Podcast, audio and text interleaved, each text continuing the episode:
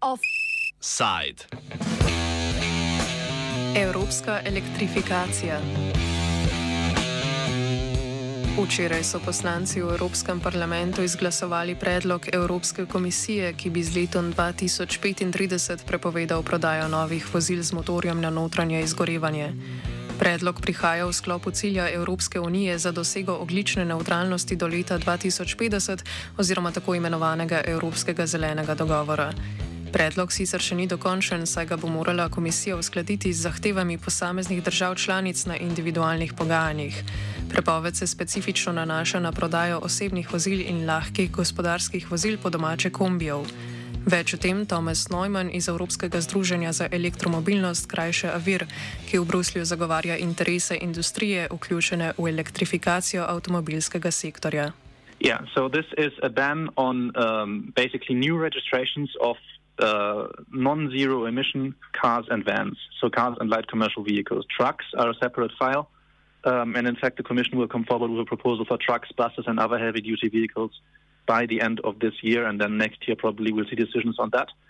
Um, but for the moment, this decision only concerns cars and vans, and basically it's a ban on new sales of vehicles with tailpipe emissions. So what will be allowed in the end will be electric vehicles or hydrogen vehicles. We don't really see how that will work economically, so it will very likely uh, be fully electric because that's also what manufacturers are going for.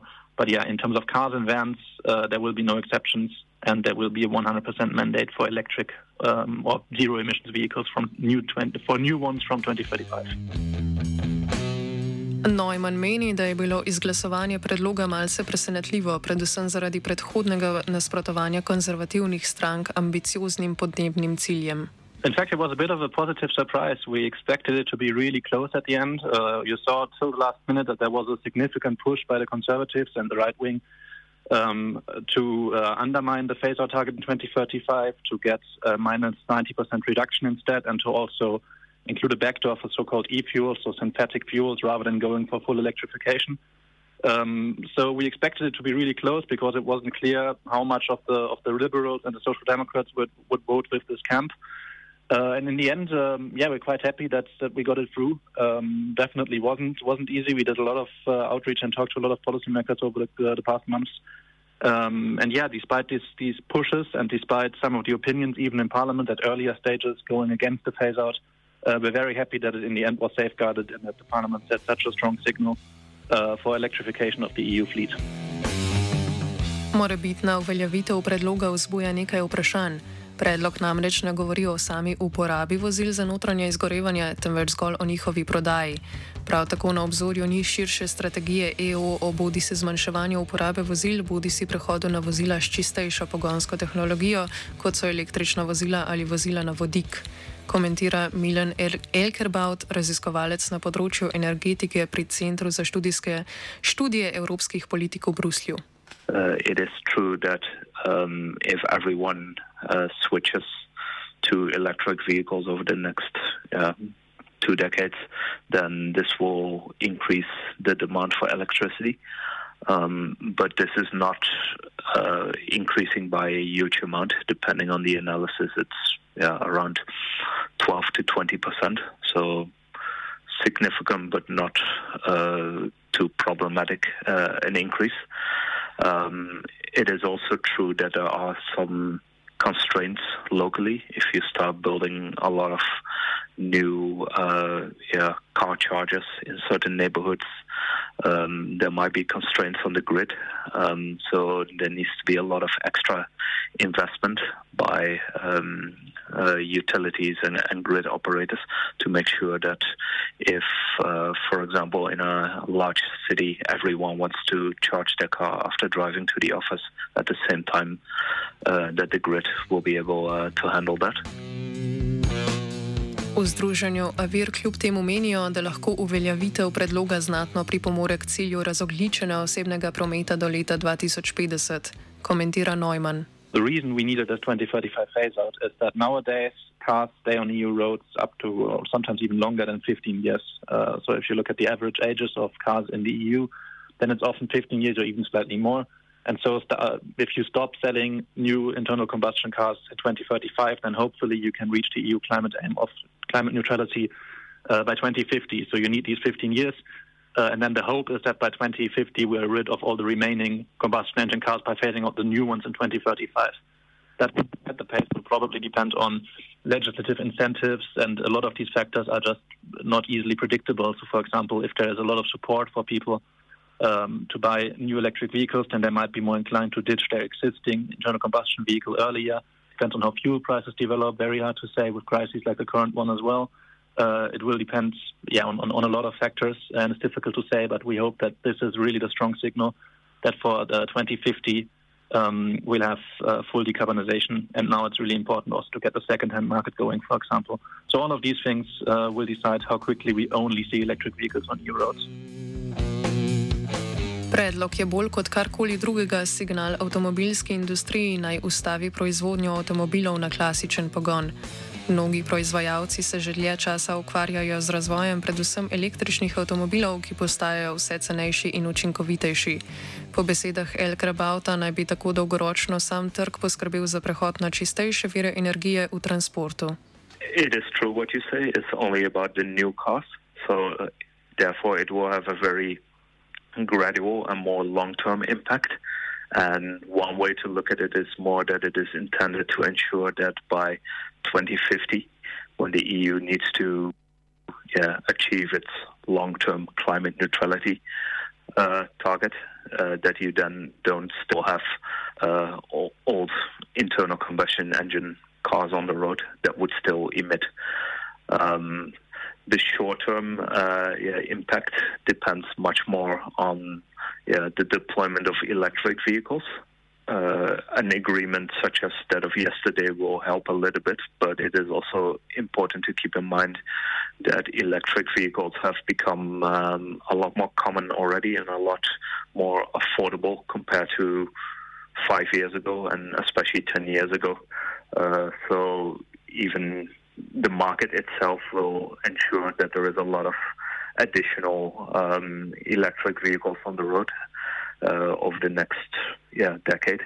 And since electric vehicles are uh, inherently much more efficient than uh, yeah what you say the the gas guzzling cars, this will um, yeah gradually have a, a, a quite significant impact uh, on emissions. And yeah, today road transport uh, emissions are um, a little bit under uh, one fifth of the EU's emissions. So uh, electric vehicles can contribute quite a bit to that.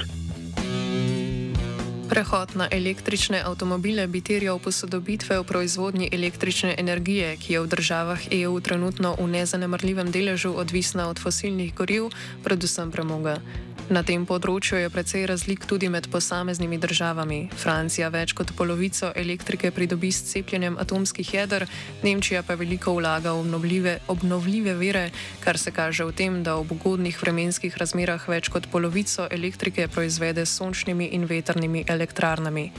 Poljska pa po drugi strani več kot 70 odstotkov elektrike proizvede s kurjenjem premoga, komentira Bart Browers, novinar in lasnik portala Innovation Origins. It's what, what you're saying. Let's build the cars and, and see what happens. Unfortunately, um, of course, there are plans and there are there are ideas and there's ambition, but there's nothing that will guarantee the European countries or the European citizens that this will be really well executed. So, um, and, and again, in some countries uh, this will uh, will be a, a priority, but in other countries where this is not a priority, um, I think uh, uh the, these countries will not be ready uh, in, in, in time. Um, so it's really crucial, and yeah, maybe you can even uh, conclude that that by uh, forbidding old-fashioned cars uh, or the sales of old-fashioned cars, you you are creating a problem that that that that should be solved before 2035.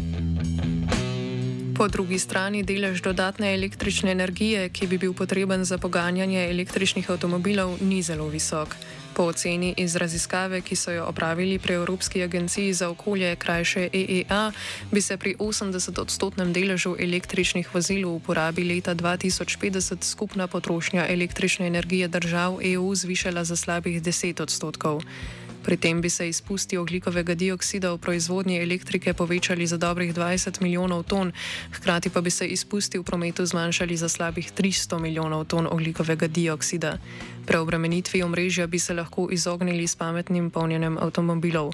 Več o tem Neumann. In terms of the grid, um, there is ways to mitigate this. So indeed, uh, if we, for example, charge these vehicles in a dumb way, if we just plug them into a charger, um, then that might uh, need to uh, lead to the need for significant grid investments. But we can charge EVs smartly, which basically means that, uh, for example, at periods of high demand, EVs should uh, would, would charge a bit more slowly, um, and then, for example, overnight uh, when the demand is a bit bit uh, bit lower, um, then they would charge more quickly. So basically, shaving the peaks by making the charger smart and making sure that they can modulate how quickly the cars charge. that can be one way to mitigate significant grid investments. Včeraj so evropski poslanci glasovali tudi o reformi sistema za trgovanje z emisijskimi kuponi in nekakšnimi odpustki za izpuste toplogrednih plinov v industriji. Glede na prvotni predlog bi se količina prodanih kuponov do leta 2030 zmanjšala za 67 odstotkov, prav tako pa bi do takrat prenehali podeljevati brezplačne kupone. Več o sistemu trgovanja s kuponi pove Elkrebaut. It's about a policy called um, the European Emissions Trading System. Uh, this is um, the EU's carbon market, so it's about um, uh, trading emission certificates between uh, companies that are covered by it, mostly in the electricity sector and in heavy industrial sectors. Um, and this emissions trading system has been uh, in place now for um, yeah, about 18 years. Um, and last year as part of um, the European Commission's so-called Fit for 55 proposals, which aims at updating all EU climate policies to reach the minus 55% emissions reduction target. There was also a proposal to revise um, yeah, the legislation of the ETS. Um, and the reason uh, why it had to be revised is uh, because there is a, a, ceiling, a fixed quantity uh, of uh, the amount of certificates in the market, and this d- needs to decline every year with a certain amount to reach the climate targets. Um, and on top of that, there's all sorts of quite complicated rules on how you uh, allocate these uh, certificates. Some are auctioned, some are given away for free to companies. Um, and all these rules were under consideration. Evropska ljudska stranka in stranka Renew Europe sta, sta na to predlagali amandmaje, ki predvidevajo zgolj 63 odstotno zmanjšanje količine emisijskih kuponov, ki bodo na prodaj do leta 2030. Prav tako pa prenehanje podeljevanja brezplačnih kuponov predstavljajo v leto 2034. Ker se skupine SND, Zeleni in Levi niso strinjali s predlogom, čež da ni dovolj ambiciozen, so omaknile podporo, zato ni bil izglasovan. Predlog bodo skušali ponovno uskladiti v odboru za podnebno politiko, vendar bi se lahko postopki zavlekli za več mesecev. Offside je elektrificiral svetina.